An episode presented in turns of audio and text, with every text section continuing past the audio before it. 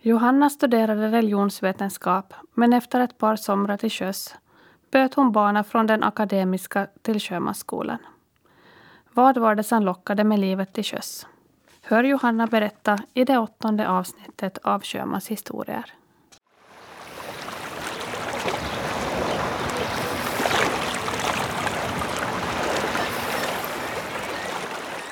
Nu sitter jag här med Johanna Djupsjöbacka. Vill du berätta lite om dig själv? ja, Johanna Djupsjöbacka heter jag. Från Terjärv, Österbotten. Men bott i, bor i Åbo nu och har bott sedan 2002. Absolut längre än jag hade någonsin tänkt men nu tror jag inte att jag flyttar nog riktigt långt bort härifrån. Eller man vet ju aldrig men ja. ganska stationerad Och när du kom till Åbo så hade du inga planer på att fara till sjöss? Nej, nej jag hade inte ens, nej jag hade inte ens tänkt på, nej nej nej. Jag kom ju som, egentligen kom jag ju hit som utbyteselev från Sverige. Ja, ja. Alltså jag får först att studera äh, internationell rättsvetenskap som folkrätt heter i Sverige till Örebro och, men sen kände jag att jag vill nog komma till Åbo eller till Finland en stund. Så sökte jag hit som, så att säga, som utbyteselev till exotiska Finland och studera folkrätt här. Och så ville jag stanna och så sökte jag egentligen, sen sökte jag in på religionsvetenskap istället. Ja. Så då hade jag ju som religionsvetenskap som huvudämne och folkrätt och kvinnovetenskap som det hette då. Nu heter det väl genusvetenskap. Mm. Så det, därför kom jag hit. Just det. Och vad var det som fick in dig på sjömansbanan? Nå, egentligen så var det ju första sommaren 2003 så sökte jag ju sommarjobb och, och jag visste inte riktigt, eller jag sökte väl allt möjligt fick inte riktigt någonting och så var det en kompis som jobbade på Eckerölinjen som alla andra har säkert hamnat dit som sommarjobbare eller kommit sig dit. Så hon rekommenderade att jag, jag ska ringa dit till kontoret eller skicka mejl, jag minns inte vilket jag gjorde. Och så fick jag sommarjobb i kafeterian. Och där började det Inte hade jag nu, inte, inte tänkte jag då nu ännu heller men att sen var jag ju från och till sommarjobba och sen hoppade in som extra och sen hoppade jag runt. I princip så var jag på varenda avdelning förutom jag städade inte och inte var jag i maskin har jag inte varit heller. Nej. Förutom praktik sen senare. Men, ja. Just det. Men, ja. Så det blev lite allt möjligt. Ja. Och sen efter att egentligen i den samma veva som jag sommarjobbade där och tyckte att det var ganska sådär trevligt sätt att jobba. Att vara borta och sen, sen jobbar man ordentligt och sen när man kom hem så var man ledigt mm. på riktigt. Och man som stängde helt av det där, man behöver ju inte tänka på jobb. Ja. Och sen och speciellt somrarna då, de var ju lite speciella så det var ju som, det var ju, när det var så mycket andra sommarjobbare och så det var klart att det var som, det var ju roligt. Och sen eh, också så lärde jag känna no, det var ju många som studerade sjöfart i Åbo och så lärde jag känna ganska många som jobbar till sjöss mm. också som mer sådär som på däck. Så där kanske det började sen småningom växa fram. Men det tog ju länge ännu före jag ens sökt. Okej. Okay. Ja, först 2006. Jaha, ja. Så att så egentligen det är från att jag började jobba och hoppa in som extra så började nog mina religionsvetenskapsstudier lida lite. Ja. För att man, ja. Det var ju på sätt och vis lätta pengar kändes det som. Och sen blev man ju van att man hade pengar så då blev det lite Men inte var det nu bara det men att. Nej. Nej, ja. Uh, jag lägger ett påstående så får du säga om det är rätt mm. eller fel. Uh, på den tiden så, så var det kanske ett jättevanligt som det är idag, ganska mainstream, att man är vegetarian och feminist. Eh, har du stött på eh, motstånd? För att jag tänker att ibland kanske sjöfartsbranschen kan vara lite konservativ. Ja, kanske. Men sen är jag kanske på det sättet att inte, för, inte tar jag fram, alltså oftast är det ju andra som tar upp det. Ja. Att som till exempel nu när jag började på Finlands och fick fast anställning på en båt där. Så det tog jättelänge innan jag får och sa att jag är, ju, jag är vegan. Så innan jag får och sa det. Mm. Sen det kom fram när jag pratade med kollega och sa bara att men har du sagt åt dem i bussen? Jag bara nej att jag vill inte som... För jag förstod ju att jag var enda. Ja. Och sen, men sen ville han, han det här kocken där sa att, att, att, ja, att han ringde åt mig till bryggan en gång och sa att han vill prata med mig. jag tänkte att vad är det nu? och så sa han att, ja, att jag har hört att du är vegan. Att, att nu kan han ju laga mat åt mig. Att inte det är som. Och han, är jätte, han var ju faktiskt ja, en av de bästa som, som jag har, som har lagat mat åt mig på båten mm. någonsin. Nu har han tyvärr slutat. Ja. Så, ja. Men det här. Uh, och feminist, jag tror inte att jag kanske då när jag gick var som praktikant så tog jag fram det. Då var jag även lite yngre så tog jag fram det mycket lättare. Nu gör jag inte för uh, jag tycker ju själv att det är som så självklart mm. att inte säga det ens. Nej, Men det beror ju lite på, man, man säger sina åsikter men sen måste man ju minnas att, att man behöver ju inte heller alltid säga så. Nej. Så. Så, ja. Nu tror jag att de flesta kanske tänker det. Eller inte vet jag, jag vet inte faktiskt. Det har aldrig varit en grej. Nej, nej, nej, nej det har inte varit. Man väljer ju lite sina strider. Mm. Och man föredrar att arbetsmiljön är ganska sådär lätt att arbeta i. Att mm. inte ska vara de här så att säga egna personliga övertygelserna, de som ska gå främst. Nej. Men inte ska man behöva dölja dem heller. Men, att, ja. Men jag tror framför allt det där att man inte äter kött så oftast är det andra som hakar upp sig mycket mer på det än att jag skulle ta någonsin fram det. Ja. Ja, det så. Men inte har det inte hade det varit något problem. Nej, och det måste vara mycket vanligare idag. Ja, jo, jo, jo, jo, det är det ju. Det är det ju. Men fortfarande tror jag nog att också nu den båten som jag är på nu så är jag nog den enda. Och nu jobbar du som styrman? Ja. Vad tyckte du när du kom till, till sjömansskolan då? Var det liksom direkt att det här var min grej eller? Ja, alltså nog tyckte jag ju det. Jag tyckte ju som att det mesta var ju som, det var ju nog som helt annorlunda. Och det kanske är på ett sätt att den där, någon sån där kurs som vi gick, säkert någon livbåtskurs som vi gick då på Ekerö, det var nog där och lite som att jag tänkte att oj får man gå som sådana här kurser när man studerar sjöfart. Så att det var ju som helt någonting annorlunda så på det sättet var det ju som men inte det är ju så hela tiden förstås när man studerar sjöfart. det är ju nog mycket teori också men att nu fanns det ju som, ja, nej nog var det ju. Men, ja. Sen, verkar, sen var det ju lite sådär att vissa verkar ju som haft det som så självklar grej sen de har varit små eller hade folk, hade som föräldrar som jobbat till sjöss. Så det, man hade ju som utgångspunkterna var ju ganska som olika. Ja. Att det var ju lite sådär att man kände ju att man, måste, man börjar ju lite från noll. Det kändes så? Jo, det kändes mm. nog så. Men No, ja, nog visste man ju kanske nu någonting, men inte, inte på samma sätt som någon som har haft föräldrar som har, eller många som har seglat mycket, det fanns ju sådana också. Mm. Inte förstås bara, men att nu har det ju, nu har man ju ganska stor fördel att man som har haft någonting, gjort någonting som sånt mm. tidigare. Ja, sen kanske du hade fördel av det här teo teoretiska, att du hade studerat. Ja, no, jo, jo, no, jo, det hade jag ju. Och sen känner jag ju att jag var ju själv, måste jag börja räkna, var jag 26 eller 27 när jag började. Att inte skulle, jag ha, inte skulle det där ha varit någonting som jag skulle börja med direkt efter gymnasiet. Nej. Att för vissa är det ju som sådär, de börjar ju efter högstadiet. Ja. men, men, men nej, för egen del så inte skulle det här som, no, jo, den tanken fanns ju aldrig men att inte skulle jag som, på något sätt så kanske det var först kanske jag var först mogen i den åldern för det där. Mm. För att nu är det ju, nu är det ju som på det sättet helt annorlunda.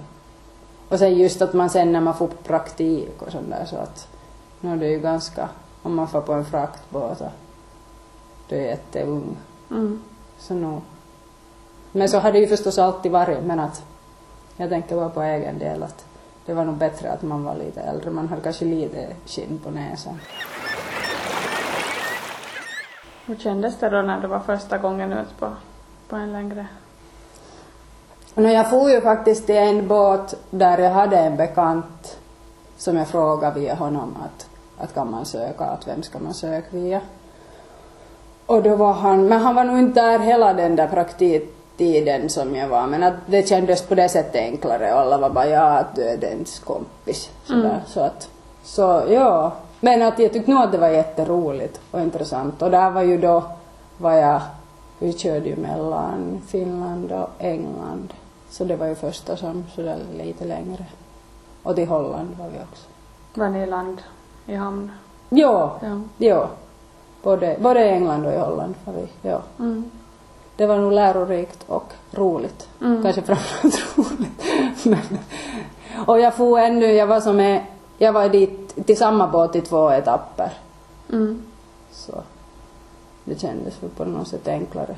Och sen var det ju bra att vara på en lite sån där, sån linje också att det kanske att bara vara på praktiken som fan mellan, mellan Sverige och Finland så det, det kan nog bli lite, jag vet inte, ja, det kanske lite, ger lite mer erfarenhet.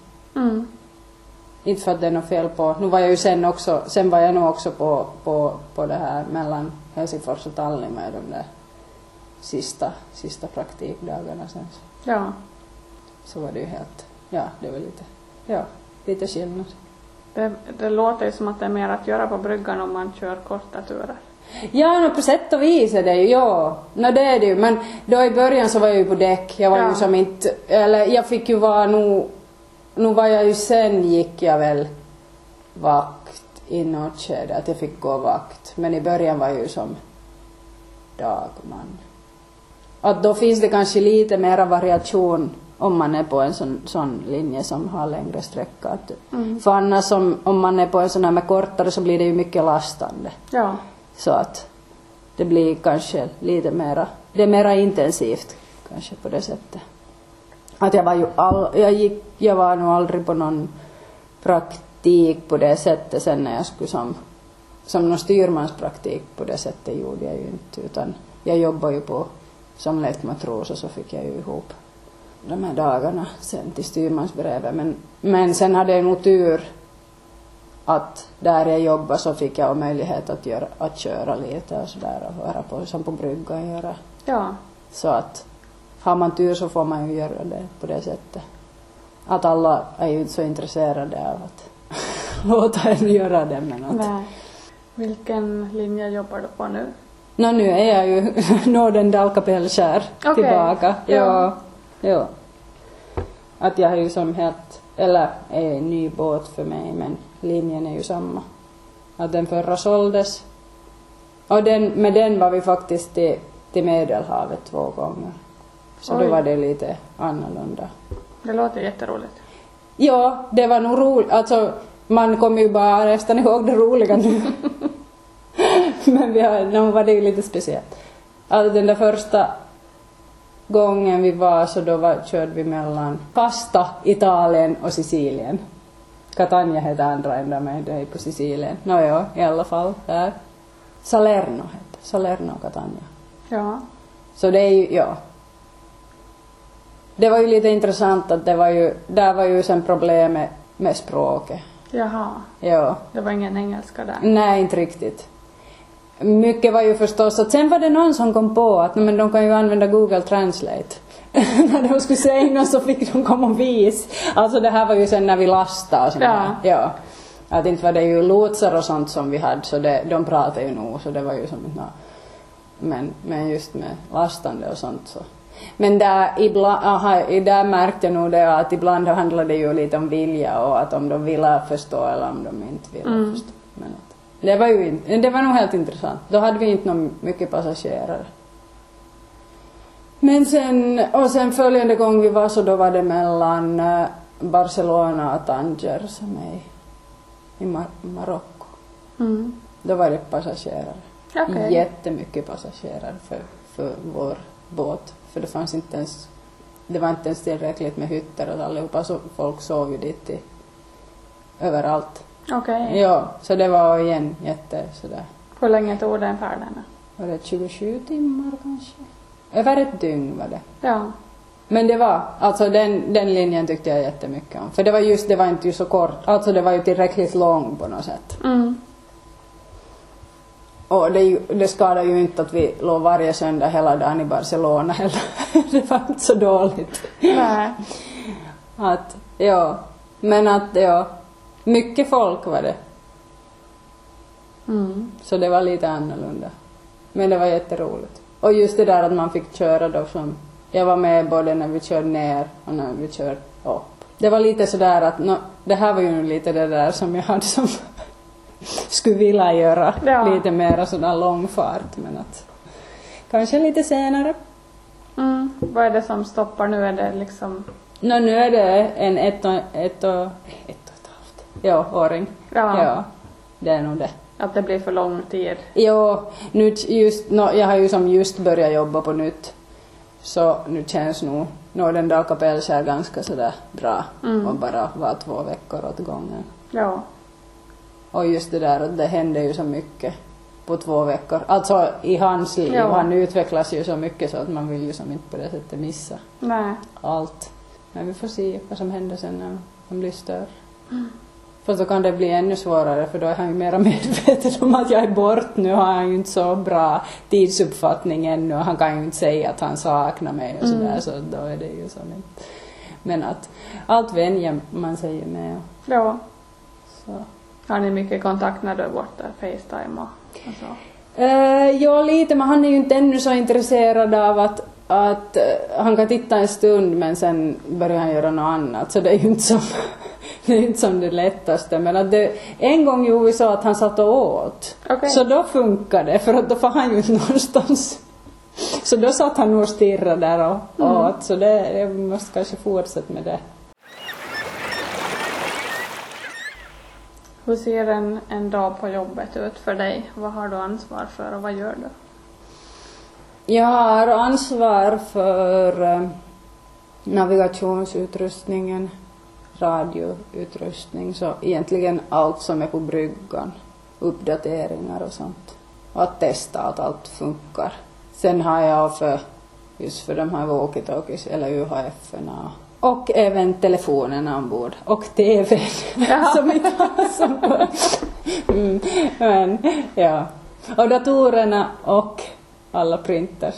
Jaha, Ja, så det är som egentligen allt det där. det är ganska brett. Ja, men att som, ja, huvudsakliga om vi säger, det brukar nog inte vara som sådär, ja. Huvudsakliga är navigationsutrustning och radioutrustning. Och vad man gör, eller vad jag gör, nå, vi har ju lite som, vi gör så att vi, vi, vi har som 12 timmars vakter.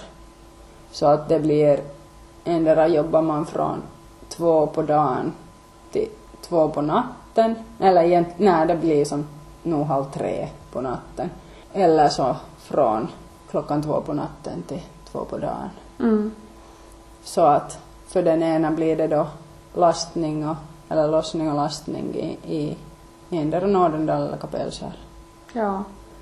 Och sen är man ju, sen är det ju resten av tiden när man, när man hinner kanske göra där i hamnen, beror på hur mycket last man har så hinner man göra någonting annat nu. Någonting som just någon uppdatering eller, eller sånt, men är, det full last så brukar man inte hinna riktigt. Och sen är man på bryggan resten av tiden. Enda gången man är ensam är ju när vi far över Ålands hav så det är inte sådär jättelångt. Annars är man ju med lotsen eller så med skeppan då i, i Kapellskärsände. Så det kan vara endera är man med vid ankomst eller avgång uppe på bryggan eller så är man då i akten och förtöjer. Men om du är två veckor på jobb, jobbar du då nattskift en vecka och, och då? Nej, Nej. nej, det är nog hela den där två veckor har man Mm. samma. Att vi byter, vi byter vakt var sjätte vecka. Okej. För att de som är som första styrman så de, de, de gör tre veckors, de är tre veckor alltid på jobb så då löper det på det sättet att sen var sjätte vecka är det som båda som byter så då, då går det att byta, byta vakt. Mm. Och det är nog helt skönt för man vill, båda vakterna har som sina fördelar och nackdelar. Mm. Och, så att det blir lite mer variation. Vad är det bästa med att jobba på sjön? Ja, det känns nog för det mesta som ganska som roligt ändå. Och har man som, nå jo, det är egentligen inte har det nu bara med sömn att göra men att, att har man bra kollegor så då är det ju som, Mm. då är det, det gör ju Och sen just det där att man på något sätt, eller jag tycker om det där att sen när man väl är hemma så då är man som 100% hemma. Mm. Att man har det som skilt. Inte tänker man ju på jobb när man är hemma. Kanske Nej. det där första dygnet kan man ju vara lite fast i det ännu. Men att sen, sen glömmer man nog det. Ja. Och sen brukar jag som inte... Jag brukar försöka att inte... Nu är det ju lite undantag. att jag brukar inte prata så mycket om det. Mm. Så där, jag kan prata med sådana som andra som jobbar till sjöss. Så kan jag prata om det. Men att sen sådana som, som, som inte gör det så frågar hur det har varit på jobb så säger jag bara bra. för jag på något sätt vet du som man, jag orkar inte för att det blir, om du aldrig har själv, själv jobbat till sjöss så man måste börja förklara så mycket och då känns det att nej, nej, att vi låter det bara vara. Mm. Att det är som på något sätt för de som jobbar så då vet de att vad som är bra och dåligt och man kan som sådär förklara, de kan känna igen sig men att sen som, som inte så, ja, man orkar inte alltid bara. Nej. Och sen när man tänker att men men jag är ju hemma nu att nu vill jag bara som, vi kan tänka på det här här hemma. Mm. Och att det är ju som det som är viktigt då. Precis. Man har ju inte ens en möjlighet att, att göra någonting hemifrån. Det är liksom... Nej, man har ju inte. Nej, det är ju det. Ja, ja, det, ja, verkligen. Bra. Man tar inte jobbet med sig hem inte. Mm.